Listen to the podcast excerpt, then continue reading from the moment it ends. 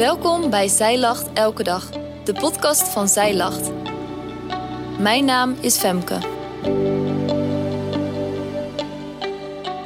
Dit is de overdenking van 2 oktober, geschreven door schrijfster Paola Don.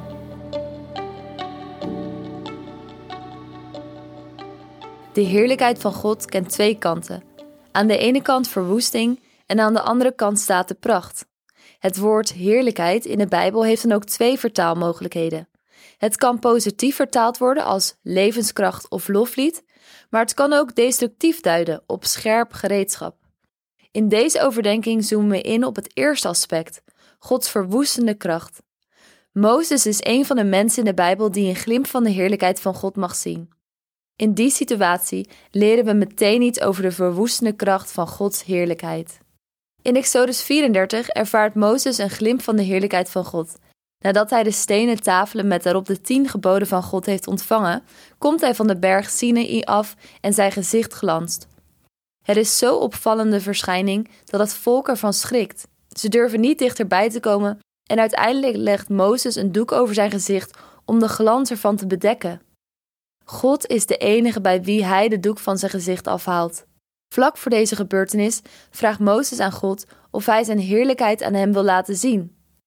Mozes mocht de heerlijkheid van de Heer in eerste instantie niet zien, omdat die heerlijkheid gepaard gaat met een enorme verwoestende werking.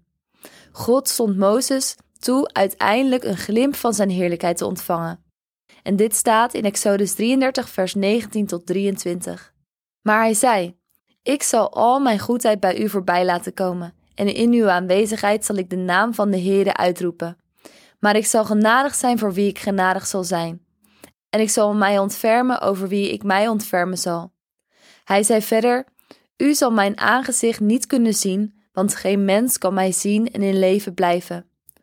Ook zei de Heer: Zie, hier is een plaats bij mij, waar u op de rots moet gaan staan. En het zal gebeuren, als mijn heerlijkheid voorbijtrekt, dat ik in een kloof van de rots neer zal zetten en u met mijn hand zal bedekken totdat ik voorbij gegaan ben. En zodra ik mijn hand wegneem, zult u mij van achteren zien, maar mijn aangezicht zal niet gezien worden. De Heere geeft hiermee een duidelijke waarschuwing. Zijn heerlijkheid is niet zomaar iets moois, het is iets dat veel te groot is voor een mens, iets verwoestends. Als Mozes nog op de berg is, vindt er nog iets bijzonders plaats. God herstelt namelijk zijn verbond met het volk. Dit staat in Exodus 34, vers 10 tot 11. Toen zei hij: Zie, ik sluit een verbond. Ten overstaan van heel uw volk zal ik wonderen doen, zoals die op de aarde en onder welk volk ook nog nooit tot stand gebracht zijn. Ja, heel het volk, in het midden waarvan u verkeert, zal de daden van de Heere zien. Want het is onzagwekkend wat ik met u ga doen. Houd u aan wat ik u heden gebied. Hierna volgt een uitleg van God over hoe zijn volk zich aan hun kant van het verbond kan houden. Je weet waarschijnlijk hoe dat uitpakt. Menselijk als ze zijn, vallen de mensen toch weer in hun oude zondige patronen.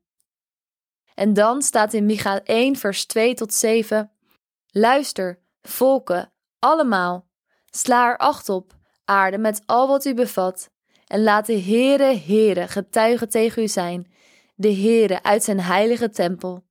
Want zie, de Heer komt uit zijn woonplaats. Hij daalt af en treedt de hoogte van de aarde. De bergen smelten onder hem weg, de dalen splijten als was voor het vuur, als water dat langs een helling vloeit. Dit alles is om de overtredingen van Jacob en om de zonde van het huis van Israël. Wat is de overtreding van Jacob? Is het niet Samaria? En wat zijn de offerhoogten van Juda? Is het niet Jeruzalem? Daarom maak ik van Samaria een puinhoop in het veld een plek voor het planten van een wijngaard. Ik stort daar stenen in het dal en haar fundamenten leg ik bloot. En al haar beelden worden verbrijzeld. En al haar hoerenloon wordt met vuur verbrand. Van al haar afgoden maak ik een woestenij. Want met hoerenloon heeft zij ze bijeengebracht en tot hoerenloon keren zij terug. Een rampscenario wordt uiteengezet omdat het volk Israël opnieuw heeft gezondigd, daalt de heerlijkheid van God en daarmee zijn verwoestende kracht neer op aarde.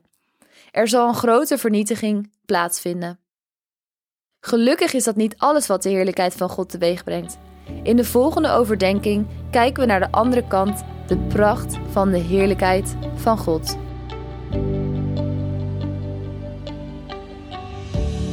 Dankjewel dat jij hebt geluisterd naar de overdenking van vandaag.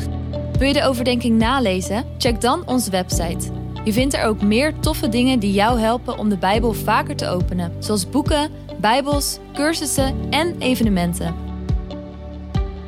Morgen ben ik weer bij je terug met een nieuwe overdenking. Tot dan!